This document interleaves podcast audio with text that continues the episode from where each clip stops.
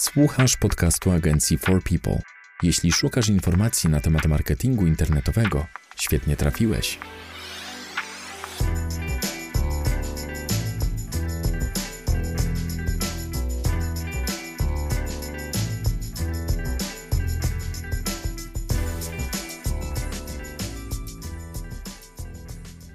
Cześć, witamy w 40. odcinku podcastu nagrywanego przez katowicką agencję marketingu internetowego For People. Z tej strony Łukasz Migura i Paweł Pawlak. Tym razem porozmawiamy o CMS-ach, czyli czym jest CMS, z jakimi CMS-ami spotykamy się najczęściej, jak działają, jakie są ich wady i zalety, którego CMS-a wykorzystać do stworzenia strony stricte ofertowej, który posłuży do zbudowania sklepu internetowego, jakiego CMS-a używać, jakiego naszym zdaniem CMS-a chyba nie warto używać. O tym wszystkim w dzisiejszym odcinku. Może zacznijmy od takiego szybkiego wyjaśnienia, czym tak naprawdę jest CMS, chociaż już mówiliśmy o tym wielokrotnie. CMS, czyli Content Management System, to pewnego rodzaju narzędzie, które spełnia, można powiedzieć, dwie funkcje. Z jednej strony jest interfejsem strony internetowej yy, i wspomaga w zarządzaniu jej treścią. Mm, z drugiej strony, no jest tym silnikiem tej strony, na której ta strona jest mm, postawiona.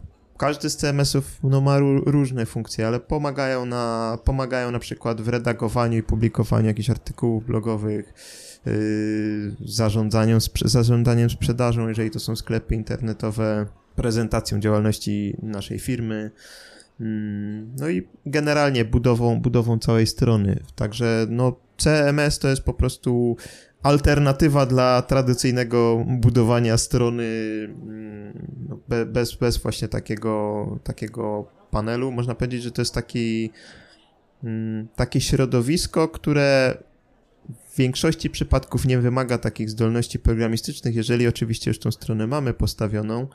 Mm, no i każda edycja takich drobnych elementów nie wymaga jakiegoś dłubania w stronie, bo przeważnie CMS-y są już do tego mm, przygotowane. Mm, w odróżnieniu do CMS-a właśnie takie tradycyjne strony, nawet jeżeli chcemy wymienić jakiś tekst na danej podstronie, no to już musimy angażować programistę, bo ten tekst jest wklejony w kodzie strony, trzeba go gdzieś tam wymienić, wejść na serwer, pogrzebać w plikach i tak dalej. CMS-y jakby są takim rozwiązaniem, które pozwalają na, na tą edycję bez konieczności ingerencji. Oczywiście im bardziej zaawansowane mm, rzeczy chcemy wprowadzić, no to już ta ingerencja jest wymagana, ale można powiedzieć, że u podstaw leży, leży ta prostota mm, w zarządzaniu stroną. Tak, e, od kilku lat widzimy i w przypadku WordPressa, i w przypadku innych CMS-ów, że kładzie się duży nacisk na to, żeby to konstruowanie strony internetowej było jak najprostsze, nawet dla największego laika. I tutaj już powiedziałem nazwę pierwszego CMS-u WordPress. Mm, także y, WordPress jest jednym z najpopularniejszych obecnie w sieci e, systemów zarządzania treścią. Mm, oprócz WordPressa i mm, jednej jego pochodnej, czyli WooCommerce'a, który wykorzystujemy do tworzenia sklepów internetowych, możemy wyróżnić jeszcze kilka innych, równie popularnych e, systemów zarządzania treścią. Jeśli chodzi o takie strony ofertowe, może zacznijmy od tego, od takiego podziału na strony ofertowe i sklepy internetowe. Jeśli chodzi o tworzenie stron internetowych stricte ofertowych, z jakimi systemami oprócz WordPressa jeszcze się stykasz w pracy pozycjonera? No, zdecydowanie WordPress to jest to, co stanowi większość stron, na których są, e, większość e, tych silników, na których stoi strona internetowa. No ma on wie, wiele, z, e, wiele zalet, które, które właśnie wpływają na tę popularność. Natomiast dodatkowo spotykam się od czasu do czasu z Drupalami, mm, z Joomlą, E, jeżeli chodzi o sklepy internetowe, no to bardzo często spotykam się z Prestą e, i Shopperem, mm, czasami też z Magento. O i zdecydowanie najrzadziej spotykam się z dedykowanymi rozwiązaniami, czyli jakieś autorskie CMS-y, które mają bardzo znikomy udział w rynku. O ile, o ile w ogóle nie jest tak, że ten dedykowany CMS jest przygotowany tylko dla tej jednej, jednej strony. Jeśli chodzi o takie strony ofertowe, ja tutaj dorzuciłbym jeszcze Wixa, który jest dosyć, no, dosyć popularny, chciałem powiedzieć. Jakby ma jakąś rozpoznawalność w polskim internecie. Mm, I tutaj ja też spotykam się właśnie z, Joom, z Joomlą, z Drupalem, chociaż pamiętam kiedyś miałem takie nastawienie, że jak trafiał do mnie projekt postawiony na Drupalu, to taki ogarniał mnie taki biały szał, jakby myślę o tym, jak się poruszać w tym CMS-ie. W Joomli też, ale Drupal był taki, jak się poruszać w tym CMS-ie, przyprawiał mnie o białą gorączkę, to było takie praca nad tym CMS-em jest bardzo, bardzo czasochłonna z perspektywy edycji treści, wnoszenia jakichś poprawek. Konstrukcja samego mm, panelu wydawała się taka dosyć dziwna. Także może przejdźmy teraz do kwestii zalet i wad systemów CMS dla stron ofertowych. Mam tutaj na myśli właśnie WordPress, Joomla, Drupal, Wix, ewentualnie może jeszcze w trakcie rozmowy jakiś inny CMS przyjdzie nam do głowy, e, o którym warto wspomnieć albo na którego warto w ogóle nie patrzeć. Może zacznijmy od najbardziej popularnego WordPress. Jakie są zalety i wady? Jeżeli chodzi o WordPressa, no to zdecydowanie jego największą zaletą jest łatwość y, w użyciu. Jeżeli już mamy stronę postawioną na WordPressie, to zarządzanie nią nawet lajkowi nie, nie powinno sprawiać żadnych problemów. Wiadomo, że jakieś, jakieś mm, bardziej zaawansowane modyfikacje, no to tu już wymaga zaangażowania programisty, natomiast taka podstawowa, codzienna praca w zasadzie tego nie wymaga. Y, na pewno ogromną zaletą jest y, społeczność zbudowana wokół WordPressa. Mm, jeżeli mamy tylko jakiś problem i próbujemy go rozwiązać, to prawdopodobnie to jest problem, z którym nie tylko my się spotykamy.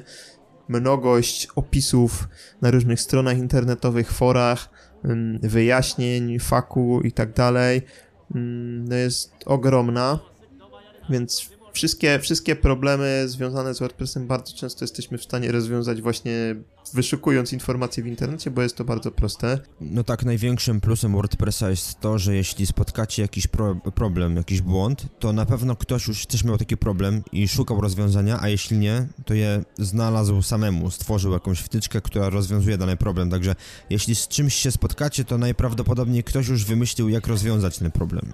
No i tutaj, tutaj wspomniałeś też kolejną bardzo ważną zaletę, czyli wtyczki. Yy, no i e, dodatkowo można też powiedzieć tutaj o szablonach.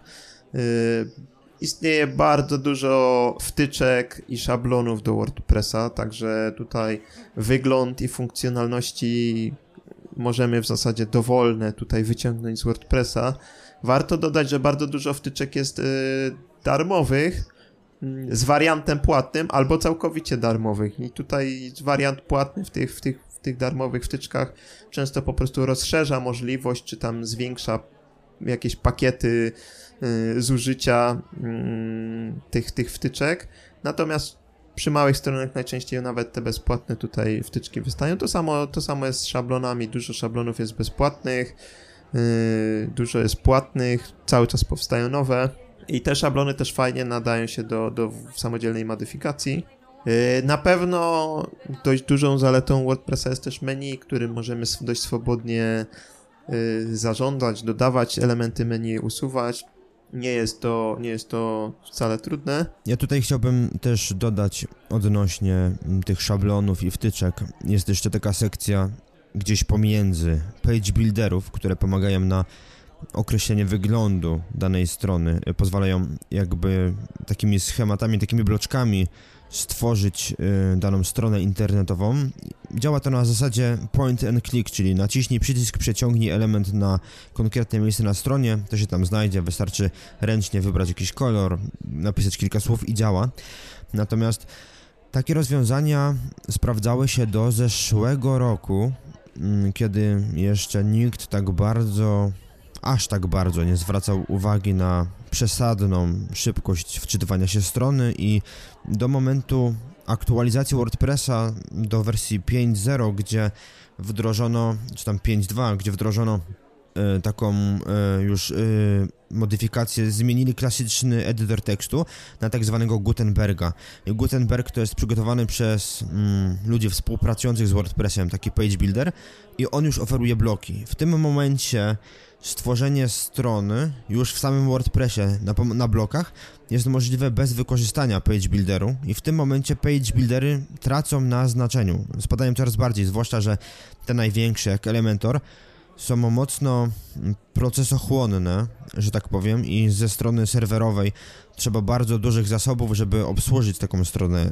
Dajmy na, na przykład strona wykorzystująca wyłącznie Gutenberga potrzebuje 1 GHz, jeśli chodzi o procesor, mm, do obsługi 1 GB e, Z wykorzystaniem Elementora są to już powiedzmy 2 GB i czasami ten procesor wystarczy 1 gigowy, natomiast przy większym ruchu już strona może wyrzucać błąd 500, czyli błąd jakby zbyt dużej ilości danych. Serwer nie jest w stanie obsłużyć e, takiego połączenia, bo mm, użytkownik, który wchodzi na stronę, chce zbyt dużo danych ze strony serwera i strona się psuje. Także mm, te page buildery na pewno dają taką taki wygląd wow stronie.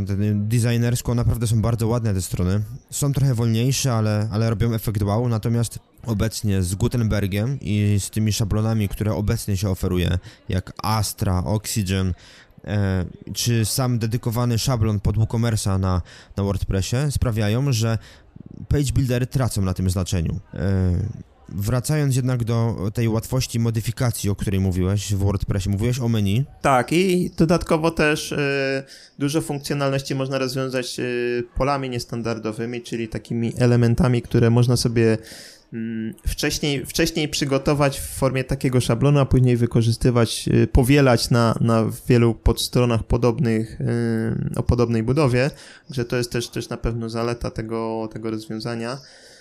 Jeżeli chodzi o wady, to wszelkie modyfikacje w szablonach, mm, jakieś bardziej skomplikowane, no niestety wymagają znajomości PHP.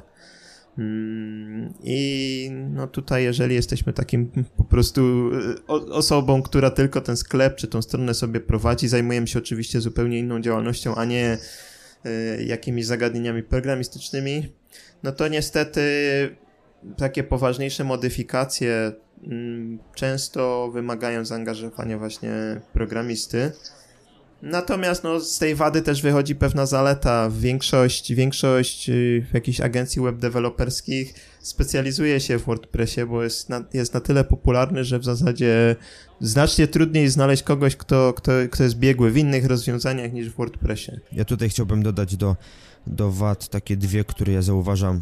Pierwsza to bezpieczeństwo jeśli chodzi o WordPressa, z racji na to, że jest to najpopularniejszy system zarządzania treścią w internecie, jest on także najczęściej atakowanym przez hakerów i tutaj trzeba wprowadzić szereg mm, poprawek do WordPressa, zainstalować jedną, dwie wtyczki, które e, co nieco usprawnią. E, o tym, jak zadbać o bezpieczeństwo, być może znajdziecie jakieś informacje na naszym blogu marketingdlaludzi.pl. Natomiast nie chciałbym tutaj też opowiadać już bezpośrednio o tych wszystkich wtyczkach, bo jest ich mnóstwo. Także bezpieczeństwo to jest, jeśli o to nie zadbacie, jeden z minusów WordPressa. Jest tam trochę luk, o, które, no, o których trzeba pomyśleć. A druga sprawa to kwestia szablonów.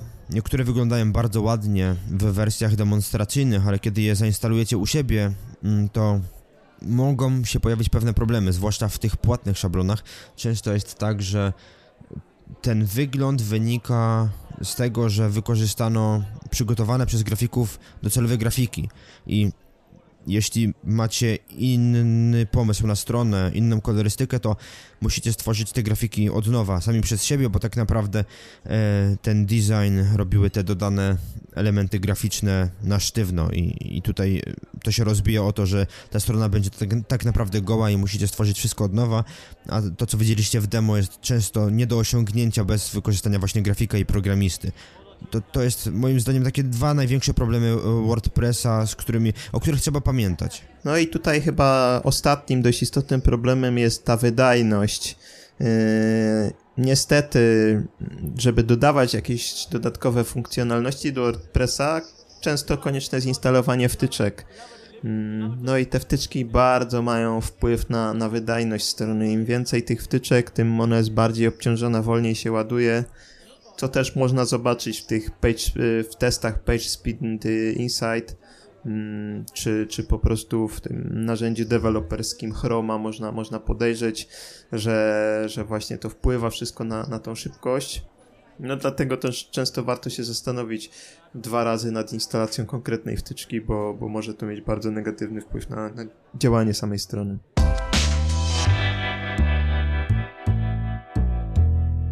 To jest podcast agencji For People, dedykowany przedsiębiorcom i wszystkim miłośnikom marketingu internetowego.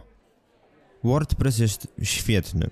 Jeśli ktoś chce postawić małą stronę, jeśli chce, ktoś chce postawić większą stronę, jakby jestem fanem WordPressa, jakby nie wiem, mm, nie wiem, e, znaczy następnym systemem CMS, który możemy wykorzystać, czy następnymi systemami CMS, z których można skorzystać są Joomla i Drupal.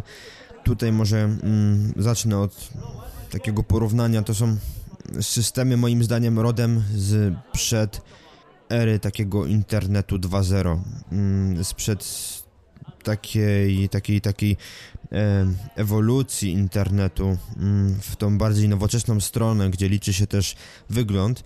E, one tkwią moim zdaniem, jeśli chodzi o same systemy, jeszcze w czasach mm, takiego internetu z odnośnikami niebieskimi podkreślanymi e, linią. Taki internet jeszcze, mm, który działał też na wapie. E, to była taka technologia w, telefona, w telefonii komórkowej, która pozwalała na wyświetlanie pro, prostszych wersji stron internetowych. I dla mnie Joomla i Drupal to jest właśnie taki CMS, który taki trochę toporny. Mm, jeśli chodzi o design samej strony, to on już goni, on już jest jakby na poziomie WordPressa, natomiast w środku ta konstrukcja, ta struktura samego systemu dla mnie jest taka skompli dosyć, dosyć skomplikowana, nie pozwalająca na takie intuicyjne za zarządzanie tą stroną. Mm, powiedz mi, jak ty korzystasz, czy miałeś okazję korzystać z Joomla i z Drupala, mm, czy było to w zeszłym roku, czy, czy, miał, czy coś się zmieniło w tych systemach, bo ja nie ukrywam, ostatni raz z tym systemem miałem styczność dobre 3-4 lata temu, teraz już wszyscy tak naprawdę idą w tego WordPressa. No tak, zdecydowanie wszyscy wszyscy raczej stawiają te strony na WordPressie. Ja swoim ze swojego takiego aktualnego doświadczenia, no to mam styczność z jedną stroną postawioną na Drupalu, natomiast nie mam do niej żadnego też dostępu, więc ciężko mi tutaj mm, oceniać na, na, na podstawie, na tej podstawie, jak tutaj, mm, jak tutaj ten Drupal faktycznie działa. Natomiast jeżeli miałbym wymienić jakieś, jakieś zalety tych, tych rozwiązań, mm, no w przypadku Joomla na pewno dość, dość prosta jest mm, instalacja. W zasadzie wystarczy no, pobrać, poświęcić kilkanaście minut, y, żeby skrypt zaczął działać na serwerze. Mm, no, WordPress jest, jest na pewno zdecydowanie prostszy w instalacji, natomiast, natomiast Joomla też nie jest jakaś tam specjalnie wymagająca i na pewno, na pewno jeżeli chodzi o instalację znacznie prostsza niż Drupal. Mm, jeżeli chodzi o wtyczki, no to skrypt posiada bardzo dużo darmowych y, wtyczek. To wiadomo, że WordPress jest tym popularniejszym skryptem i, i dalej, dalej tutaj będzie miał więcej tych, tych wtyczek. Natomiast y, wtyczek, wtyczek na, na Joomla jest no dość, dość sporo. No i w pewnym stopniu znaczy, te, też jakby przewaga jest taka, że już be, bez wtyczek na starcie mm, Joomla ma troszkę więcej funkcjonalności niż WordPress. Nie wymaga właśnie instalowania y, wielu wtyczek. Bo, bo przy, przy WordPressie często, często tych, tych wtyczek trzeba już tam kilka czy kilkanaście zainstalować już na starcie. Przy Joomla zdecydowanie mniej tych wtyczek mm, trzeba, trzeba tutaj y, zainstalować. Mm, na pewno Mm, ogromnym, ogromnym tutaj, ogromną tutaj zaletą jest dość duże wsparcie techniczne. Y, Joomla posiada rozbudowane forum dyskusyjne w języku angielskim, też są społeczności w języku polskim. Z tego co pamiętam, była kiedyś taka strona joomla.pl. Tam właśnie wszystkie jakieś tam mm, zalety, wszystkie nie, zalety, tylko wszystkie te funkcjonalności i jakieś tam problemy są rozwiązywane w miarę, w miarę prosty sposób, więc tutaj na pewno mm, jakby, no, no to, ta, to wsparcie jest tutaj dość, dość fajne tej, tej społeczności. Ja myślę, że mm, jeśli chodzi o Joomla i Drupala, możemy też mówić o trochę większym bezpieczeństwie niż e, w przypadku WordPressa, bo no, obecnie wszystkie skrypty automatyczne atakujące strony internetowe właśnie skupione są na, na tej konstrukcji strony mm, z perspektywy WordPressa i po prostu jest mniej tych ataków. E, także tutaj wydaje mi się, że z Joomlą i z Drupalem jest odrobinę bezpieczniej, co nie znaczy, tak, że. W, w przypadku e, odpowiedniego przygotowania WordPressa to bezpieczeństwo będzie na podobnym poziomie albo na takim samym. Wystarczy zadbać o odpowiednie rozwiązania i tak naprawdę jedyna zaleta, czy to moim zdaniem jedna z ważniejszych zalet Joomla i Drupala przestaje być ich zaletą. E, jeżeli chodzi o, o takie os, ostatnią, można powiedzieć, zaletę, znaczy mo, może nie ostatnią, ale ostatnią, o której chciałem powiedzieć, no to jest w miarę prosta aktualizacja Joomla. E, z tego co pamiętam, do aktualizacji w zasadzie wystarczy przeglądarka z poziomu przeglądarki można to bardzo szybko i łatwo, łatwo zrobić. E, właśnie powiedz mi, jak to wygląda, jeśli chodzi o aktualizację, e, bo ja, nie, ja powiem tak, WordPress też jest bardzo łatwy w aktualizacji, chociaż za każdym razem, kiedy pojawia mi się informacja o tym, że jest nowa wersja, to ja dostaję prawie ataku serca, kiedy naciskam przycisk aktualizuj. Zrobię kopię bezpieczeństwa e, plików, bazy danych, ale mimo wszystko przy aktualizacji WordPressa czuję jakieś takie, takie, takie budowanie napięcia, kiedy kręci się te kółeczko i pojawiają się kolejne informacje, że proces został um, zakończony i tak dalej. Jakby, jak to wygląda w przypadku Joomla i Drupala? Jeżeli chodzi o, jeżeli chodzi o Joomla, no to, to tutaj no tak, tak wspomniałem, no ta aktualizacja jest no w miarę, w miarę prosta i no ja, jakby mam, mam dość takie ograniczone doświadczenie z tym, mhm. z tym mhm. skryptem, natomiast z tego co pamiętam, mm, no nie, nie, nie czułem takiej, nie, nie, nie czułem takiej, takich nerwów właśnie jak, jak wspominasz przy WordPressie, że coś się wywali, bo mm, poszczególne wersje Joomla no są ze sobą dość, dość kompatybilne i jakby te problemy, nie, nie, raczej nie pojawiają się tutaj problemy. Nie jestem w stanie nawet wymienić jakiegoś problemu, mm, który by się pojawił przy aktualizacji.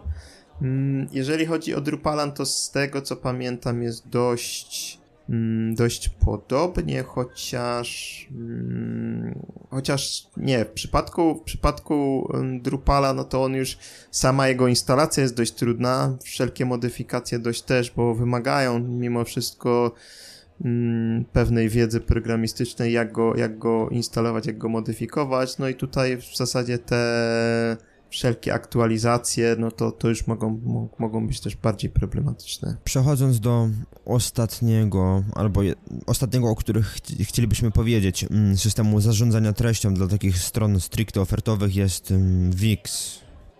Jest to taki system pozwalający na tworzenie strony trochę jak page buildery w WordPressie. Działa na zasadzie point and click, czyli mm, przyciśnij, przeciągnij. Bardzo łatwe w modyfikacji, i dający tak naprawdę bardzo ograniczone pole do popisu. Mm, mamy bardzo niewielki wpływ na to, co możemy zmienić, jak możemy zmienić. W WordPressie zmiana, zmienić możemy wszystko tak naprawdę. Tam działamy i na plikach e, PHP, i na, e, i na e, JavaScriptie, możemy działać z CSS-em. E, Wix jest, został stworzony mm, w modelu SAS-owym, to znaczy mm, raczej nie będziecie mieli dostępu do plików takich podstawowych strony. Mm, tutaj macie możliwość wyboru szablonu, modyfikacji jakiegoś tam wyglądu, natomiast takie już bardziej techniczne rzeczy, które potrzebne byłyby pod pozycjonowanie na przykład, często nie są e, dane do dyspozycji właścicielowi strony internetowej, dlatego ja lubię porównywać trochę Wixa do mm, Blogspota, mm, do, do platformy blogowej od Google'a.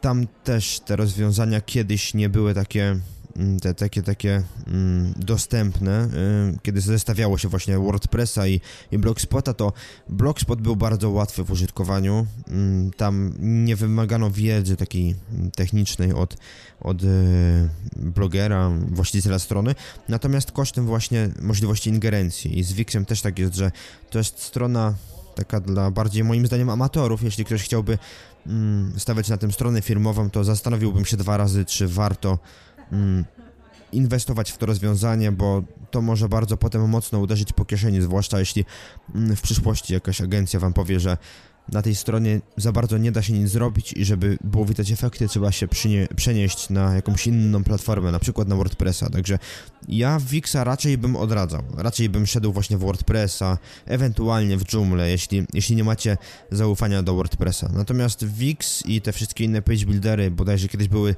jakieś takie mm, strony one-on-one, on one, nie wiem czy dobrze pamiętam, ale ja bym unikał takich rozwiązań, zwłaszcza jeśli chodzi o strony firmowe. E, wszelkiego rodzaju page buildery, tak jak Wix. Hmm, w zasadzie ich wadą i jednocześnie zaletą jest to, ich zaletą i jednocześnie wadą jest to, że są bardzo proste w obsłudze, ale też bardzo ograniczone w funkcjonalnościach, więc y, no tutaj naprawdę prostą stronę można, można tutaj na tym postawić, natomiast jeżeli chodzi o późniejsze jakieś optymalizacje związane z SEO, no to już nie zrobimy tego na Wixie.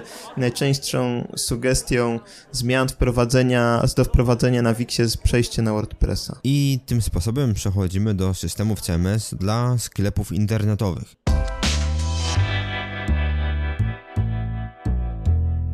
To jest podcast agencji marketingu internetowego For People. Może zacznę od znowu mm, WordPressa i ich rozwiązania WooCommerce. WooCommerce to jest tak naprawdę wtyczka, która do WordPressa dodaje możliwość, e, funkcjonalność koszyka e, w sklepie internetowym, e, daje możliwość dodawania produktów e, na stronie, tak żeby działała jako sklep internetowy. Obsługę płatności. Obsługę płatności, chociaż do obsługi płatności teraz już są osobne wtyczki. Mm, na przykład Przelewy24 mają swoją wtyczkę, którą trzeba zainstalować. Mimo wszystko jest już jakiś wbudowany mechanizm też w WooCommerce. I WooCommerce to jest tak naprawdę rozwiązanie dla sklepów małych, ewentualnie średnich, mm, z maksymalnie, nie wiem, setką produktów. Przy większej ilości produktów sklep będzie działał raczej wolno, chyba że odpowiednio go zoptymalizujecie, ale mimo, mimo wszystko większa ilość produktów e, w sklepie postawionym na WooCommerce może mocno spowalniać stronę.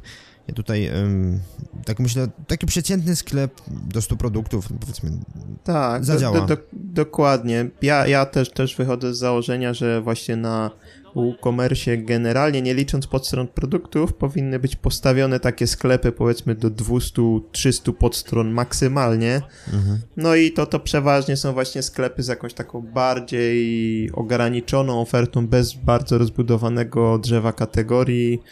Mm, no i, i właśnie tej mnogości produktów. Także to jest bardzo fajne rozwiązanie. Mm, jeżeli mamy właśnie niewielki asortyment, nie potrzebujemy wcale jakichś dużych mm, i płatnych rozwiązań, no bo oprócz tych funkcjonalności sklepowych, które właśnie dodaje WooCommerce, mamy wszystkie te zalety WordPressa tutaj, czyli tą prostotę, mnogość wtyczek i tak dalej. No oczywiście też, też mamy tutaj te same, te, te same wady, czyli mm, jeżeli chodzi o mm, no, o obsługę WooCommerce'a, no to też on jest tak samo jak WordPress po prostu podatny na, na wszelkiego rodzaju ataki. Może być wolny, jeżeli, mm, jeżeli jest obciążony wtyczkami. No i też e, w odróżnieniu do takich rozwiązań sasowych, no też wymaga opłacenia własnego hostingu, prawda? Więc to też jest jakiś dodatkowy koszt. Tak, dla mnie takim też dużym plusem WooCommerce'a jest możliwość zachowania jedności, jedności wyglądu, designu e, i posiadania już w domenie sekcji bloga, bo te wszystkie inne systemy, o których zaraz powiemy, mają swoisty problem z oferowaniem funkcjonalności bloga w domenie w sklepach internetowych, a WooCommerce z racji na to, że jest to WordPress tak naprawdę, po pierwsze właśnie daje tą pełną funkcjonalność bloga i możliwość budowania mm, widoczności tymi tekstami tym, przez ten długi ogon tak zwany, a druga sprawa, że mm, sklep internetowy jest, jeśli chodzi o design, tożsamy z blogiem, blog jest tożsamy z, ze sklepem i tutaj nie musimy za bardzo martwić się o to, żeby to wyglądało tak samo, bo jeśli chcielibyście stawiać mm, bloga na przykład w subdomenie zwykłego sklepu internetowego,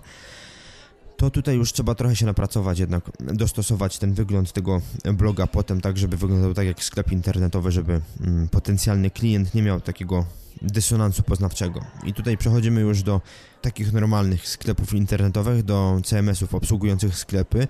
Najczęściej spotykamy się z dwoma systemami, trzeci jest rzadszy. Mówię o Preście i Shopperze. To są takie najczęściej wykorzystywane w Polsce mm, systemy obsługi sklepu internetowego. Trzeci mniej wykorzystywany jest Magento.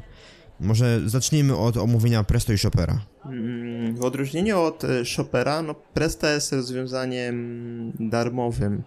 Mm, tutaj na pewno jest on jakby jeżeli chodzi o podobieństwa między Prestą i Shopperem, no to one już są takie skierowane do, do użytkowników, którzy chcą już postawić te sklepy takie średnie bądź większe. Może nie jakieś super, super ogromne, ale, ale bez problemu mm, czy Shopper radzą sobie już z setkami produktów, no nawet, nawet czasami z tysiącami, ale, ale raczej to już jest właśnie takie rozwiązanie mm, o poziom wyższy od WordPressa.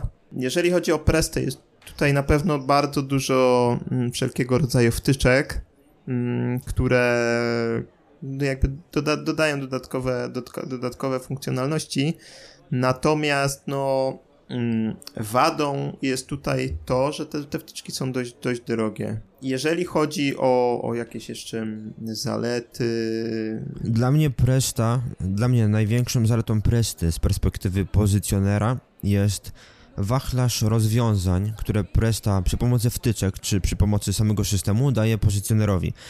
Jak patrzę, jak się pozycjonuje sklepy postawione na preście i jak się pozycjonuje sklepy na shopperze, to uważam, że Presta jest łatwiejsza w osiąganiu lepszych wyników. W Shopperze jest to trochę utrudnione, mm, także z takiej perspektywy pozycjonera dla mnie Presta jest wygodniejsza, mm, wymaga trochę mniej pracy i pozwala na takie szybsze osiąganie rezultatów. Tam są takie narzędzia fajne, które pozwalają na przykład na dodawanie opisów kategorii i one są stworzone w taki sposób, że to już jest zrobione z myślą o SEO. Sama modyfikacja strony pod SEO jest dosyć, dosyć przyjazna, ale tak jak mówisz, mm, pre, Presta wymaga instalacji niektórych wtyczek i e, te rozwiązania, które są w Shopperze już w cenie, e, w Preście trzeba doinstalować i, i zapłacić. Jeśli ktoś decyduje się na, preś, na Prestę e, dlatego, że jest darmowa, to może być zaskoczony, że niektóre wtycz, za niektóre wtyczki będzie musiał zapłacić. Na, na, pe na, pewno, na pewno też zaletą Presty jest to, że jest bardzo przyjazna dla osób nietechnicznych.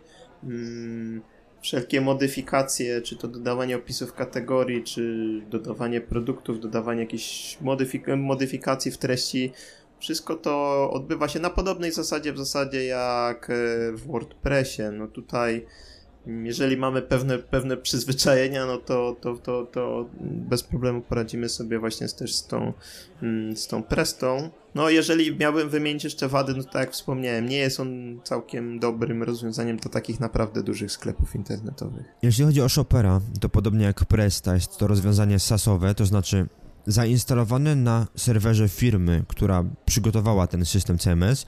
Wy możecie po prostu podpiąć pod niego swoją domenę, oni wam udostępnią ten sklep i w ramach tego systemu będziecie tam mogli zarządzać całością. I w przypadku Shopera jest to opcja wyłącznie płatna. Co się z tym wiąże mm, w zamian za to, że płacicie miesięcznie określoną kwotę za korzystanie z ich systemu, macie wsparcie techniczne i w razie czego możecie prosić ich o pomoc. Wcześniej Shopper działał na zasadzie takiej jak m.in. WordPress, że mogliście pobrać sobie ich system, płacąc jednorazowo za, za całość, zainstalować na swojej stronie i zarządzać tym sklepem samodzielnie. Natomiast przez ilość problemów, jakie to ze sobą niosło, czyli mm, każdy właściciel sklepu mógł zmienić coś w plikach swojej strony, a potem strona się psuła i mm, jakby z racji na tytuł podpisanej umowy mm, mogliście uderzać do pracowników Shopera z prośbą o pomoc i oni musieli wam pomagać w naprawie tego sklepu, zdecydowali się chyba przejść po prostu na rozwiązanie sasowe i w ten sposób mm, jakby uniemożliwili w pewnym sensie modyfikowanie ważniejszych plików. Na ten moment w Shopperze można modyfikować wyłącznie pliki TPL to są pliki mm, obsługujące szablon, który wybierzecie sobie e, dla waszego sklepu internetowego. Także z jednej strony jest duże bezpieczeństwo, jest duże wsparcie techniczne, jest... Na pewno mnogo, mnogość e, funkcjonalności, które są cały czas y, wprowadzane, wszelkiego rodzaju integracje, jakieś porównywarki cen, y, integracja z chociażby z Allegro czy z Facebookiem, y, integracja z wszelkiego rodzaju firmami kurierskimi, obsługa różnego rodzaju płatności, czy to internetowych, czy kart kredytowych, mm, wszelkiego rodzaju, yy, chociażby nawet takie dane, można powiedzieć, statystyczne, jeżeli chodzi o, o sprzedaż. Tutaj też zarówno w zasadzie w Preście, jak i, jak i w, w Shopperze są dostępne. Bo nie, nie, pamiętam, czy, czy WooCommerce y, tego typu dane oferuje. Już tak, już tak. Już, już, tak, już jest przygotowany dashboard, który pozwala na e, takie analizowanie danych sprzedażowych i to jest już w takim właśnie kierunku sklepowym bardzo mocno. Mm, z, te, z tego co kojarzę też yy, Shopper bardzo, do, bardzo dba o swoich użytkowników, organizując wszelkiego rodzaju szkolenia, także yy, na jakby obsługę tego swojego, yy, możemy się, możemy się dodatkowo nauczyć obsługi jakichś dodatkowych elementów, dowiedzieć o dodatkowych rzeczach właśnie na takich szkoleniach organizowanych przez Shoppera, więc to też jest, to też jest fajna rzecz.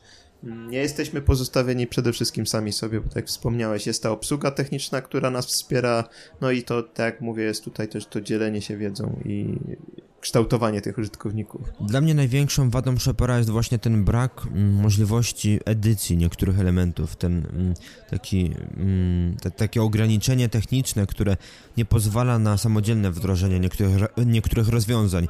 No, wiem dlaczego to zostało wprowadzone i no, zgadzam się, że jest to jakaś sensowna decyzja z perspektywy ich biznesu, natomiast jako użytkownik chyba czułbym się trochę ograniczony. Jeśli ja miałbym wybierać między Prestą a Shopperem, to ja skłaniałbym się bardziej jednak ku Preście i jasne, trzeba się liczyć z tym, że tutaj może być potrzebna pomoc jakiegoś programisty w niektórych kwestiach, Mm, i takiej wiedzy, jak zainstalować wtyczkę, jak ją skonfigurować, natomiast dla mnie Presta jest po prostu trochę lepszym rozwiązaniem, ale to jest indywidualnie, jeśli o mnie chodzi. No na, pe na pewno wadą Shopera jest właśnie ten abonament, który de facto musimy płacić co miesiąc, bo to, to jest, to jest to, wiadomo, dostajemy za to dodatkowe korzyści, no ale jednak jest to coś, co musimy oprócz opłaty domeny musimy właśnie dodatkowo ponosić, jeżeli chodzi o prowadzenie takiego sklepu. No w przypadku większości tych rozwiązań open source'owych, no tego, tego kosztu tutaj nie, nie ponosimy.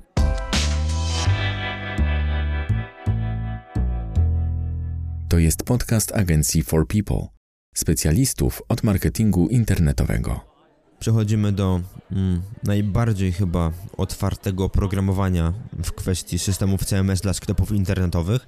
Mam na myśli Magento. Magento jest chyba tym samym czym WordPress. E, jest to takie rozwiązanie otwarte. Pliki możecie pobrać za darmo z ich strony, możecie zainstalować na swoim serwerze. Nikomu nic nie płacicie za korzystanie z tego. Mm, jest też jakiś zakres wtyczek, które możecie wykorzystać. Tak naprawdę jest to idealne rozwiązanie dla sklepu takiego, który nie ma budżetu na start, przynajmniej tak się może wydawać, i chce uruchomić sklep w podstawowej wersji. Jest tutaj tylko jeden haczyk. Żeby wdrożyć cokolwiek w Magento, jakąkolwiek funkcjonalność, jakąkolwiek wtyczkę, potrzebny jest programista. I e, pozornie darmowe rozwiązanie w pewnej chwili może zrobić się bardzo kosztowne, bo wdrażanie kolejnych rozwiązań wymagających pomocy programisty może doprowadzić do tego, że ta kwota, y, którą zapłacicie programiście znacznie przewyższy na przykład abonament shopperowy.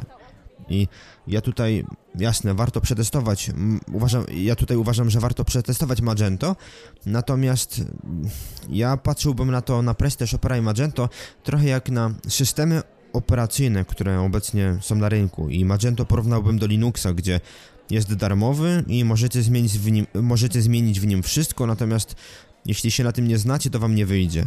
Mm, Prestę porównałbym do Windowsa, a Chopera do Apple'a i to mniej więcej dobrze odwzorowuje jaki zakres zmian możecie wprowadzać w tych systemach. Dla mnie Magento byłoby takie dobre do testów, żeby sobie, żeby się pobawić, zobaczyć jak działa ten sklep, ale jeśli ja miałbym zarabiać na sklepie, jeśli chciałbym takiej sprawności, to tylko Presta albo Shopper. Dla mnie Magento bez programisty jest jak Linux bez wiedzy, jak w ogóle go zainstalować, jak, y, czym, jest, y, czym jest BIOS, y, jak przechodzić proces, jak, jak konfigurować poszczególne elementy komputera. I właśnie Magento wymaga takiej mocno stricte technicznej wiedzy. Bez programisty, bez grafika tutaj no, będzie ciężko przeskoczyć pewien etap i w ogóle uruchomić ten sklep, żeby działał jak powinien. Natomiast jeżeli chodzi, chodzi o porównanie Magento do, do, do Prest czy do Shopera, no jest to zdecydowanie rozwiązanie dla takich największych sklepów. Jeżeli mamy bardzo dużą ofertę, bardzo mm, duże i rozgałęzione drzewo kategorii, no to Magento jest właśnie tym rozwiązaniem, które doskonale sobie z tym poradzi. Przypadku Chopera czy, czy Presty tutaj może się pojawić jednak ten problem ze skalowaniem i no niestety mm, ale to też, też jeżeli, jeżeli ktoś rzeczywiście decyduje się na, na Magento, no to, to prawdopodobnie właśnie działa na takim dużym sklepie, no i tych programistów ma. No na pewno nie jest to takie rozwiązanie dla takiego prostego sklepu, gdzie, gdzie wydaje nam się, że będziemy sobie ten sklep internetowy tak bezproblemowo i bezkosztowo prowadzić. Mm, no bo tak, tak Łukasz wspomniałeś, no jednak mm, tutaj te koszty, koszty programistów są, są na pewno, na pewno y, wysokie. Jakiego CMS-a użyć? I do stron ofertowych, i do sklepów internetowych chyba pozostawimy Wam. Ja mogę jedynie podzielić się mm, takim przemyśleniem, że jeśli chodzi o stawianie takiego sklepu mm, do 100 produktów, to chyba zgodnie uważamy WooCommerce i WordPress, natomiast większy sklep albo Presta, albo Shopper. Mm, tak jak mówisz, no Magento, ja nie miałem chyba styczności z, z tak naprawdę dużym sklepem, żeby Magento było potrzebne. Natomiast wierzę Ci, że, że, że Magento się sprawdzi w tej, w tej kwestii. Ja z Magento chyba w całej historii swojego pozycjonowania miałem styczność raz. Tak mi się wydaje, że, że raz miałem okazję na tym pracować. Mm, natomiast, e, tak jak mówię, e, w przypadku sklepów, mały sklep WooCommerce, duży Presta i Shopper, a jeśli chodzi o strony ofertowe, no to WordPress i Joomla ze wskazaniem na WordPressa, mm, Drupala raczej testowo, moim zdaniem. Nie wiem, czy, czy, czy ty e, jakby byłbyś w stanie komuś polecić Drupala w jakichś okoli okolicznościach, czy, czy, czy raczej też decydowałbyś się bardziej na Joomla albo WordPressa? Raczej, raczej zdecydowałbym się na, w ogóle na WordPressa bardziej niż na, na Joomla. Yy, no jeżeli miałbym wybór między Joomlą a, a Drupalem, no to z racji troszkę większego doświadczenia chyba bym się jednak zdecydował na Drupala. No natomiast no to są podobne, podobne skrypty, jakby podobne rozwiązanie, jeżeli chodzi o, yy, o trudność yy, ich instalacji i, i, i zarządzanie mają podobne wady i zalety. Mm, no na pewno są na tym egzekwo drugim miejscu mm, po, po WordPressie. Mm, tutaj chyba na sam koniec warto dodać, że wymieniliśmy tylko kilka najpopularniejszych CMS-ów. Tak naprawdę, jeżeli, jeżeli miałbym powiedzieć, no to, to chyba są setki różnych, różnych CMS-ów, mniej lub bardziej popularnych, ale raczej mniej. No tutaj nie bez powodu mówimy o tych, o tych naj, najpopularniejszych, bo z tego co kojarzę, chyba z 40 albo 50% stron jest w ogóle postawionych na WordPressie, no co, co jakby dobrze obrazuje, że ten, to ciasto jest podzielone po prostu po, połówka dla WordPressa i druga połówka dla wszelkiego rodzaju innych CMS-ów. Z tego co pamiętam, to dane z zeszłego roku mówiły nawet o 70 albo 80% dla WordPressa. Może, może, też, mo, może też tak być. Na, natomiast no, no tutaj, tutaj bardzo, bardzo łatwo można zobaczyć, że te pozostałe kilkadziesiąt procent jest dla, dla setek w zasadzie różnych CMS-ów, no i należy się liczyć z tym, że im mniej popularny będzie dany CMS, tym mniej będzie wtyczek, mniej funkcjonalności, mniejsza społeczność, więc jeżeli pojawi się nam problem z CMS-em, z którego korzysta pięć innych osób na świecie, no to, no to z tym problemem po prostu pozostaniemy. Myślę, że to tyle, jeśli chodzi o 40 odcinek naszego podcastu. Z tej strony Łukasz Migura i Paweł Pawlak. Dziękujemy Wam za uwagę. Mamy nadzieję, że tymi 40 odcinkami trochę pomogliśmy Wam w zrozumieniu, jak pozycjonować strony, jak podchodzić do marketingu w internecie ogólnie. Było z nami kilku gości, którzy nam mm, opowiadali o swoich branżach, m.in. o Google Adsach, o social mediach. Także te ostatnie 40 odcinków, mam nadzieję, było takim pomocnym, pomocnym e, narzędziem, które pozwoli Wam zrozumieć chociaż podstawy marketingu w sieci pozycjonowania. Dziękujemy za uwagę i do usłyszenia następnym razem. Cześć. Czołem. To był podcast agencji marketingu internetowego For People. Dziękujemy za uwagę. Wolisz czytać niż słuchać? Zapraszamy na stronę naszego bloga marketingdlaludzi.pl. A jeśli potrzebujesz pomocy z promocją firmy w internecie, odwiedź naszą stronę forpeople.pl. Zapraszamy do wysłuchania następnych odcinków. Do usłyszenia.